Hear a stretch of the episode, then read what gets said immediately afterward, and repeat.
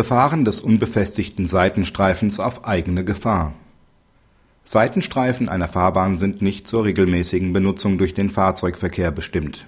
Der Verkehrssicherungspflichtige ist nicht verpflichtet, durch ein Warnschild darauf hinzuweisen, dass ein Seitenstreifen nicht befestigt ist. Der klägerische LKW wollte einem entgegenkommenden Fahrzeug ausweichen. Hierzu wich der Fahrer auf den nicht asphaltierten Bereich neben der Fahrbahn aus. Dabei kam es zu einer Beschädigung des Fahrzeugs. Die Klägerin reichte Klage gegen den Straßenbaulastträger ein. Sie vertrat sowohl vor dem Landgericht wie auch vor dem Oberlandesgericht letztlich ohne Erfolg die Auffassung, der Fahrer hätte durch ein Warnschild darauf aufmerksam gemacht werden müssen, dass ein Befahren des unbefestigten Banketts nicht gefahrlos möglich sei.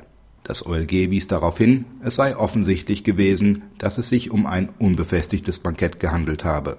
Aufgrund dessen musste auch keine explizite Warnung erfolgen.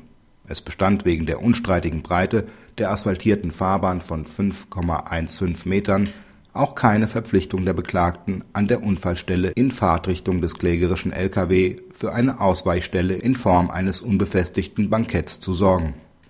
Praxishinweis Bei Seitenstreifen muss man generell davon ausgehen, dass diese für den Fahrbahnverkehr weder bestimmt noch geeignet sind.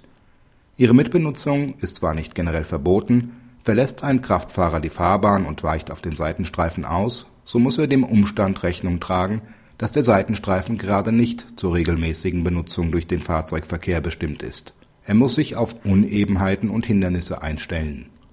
Nach ganz herrschender Meinung besteht regelmäßig keine Haftung für erkennbare Unebenheiten.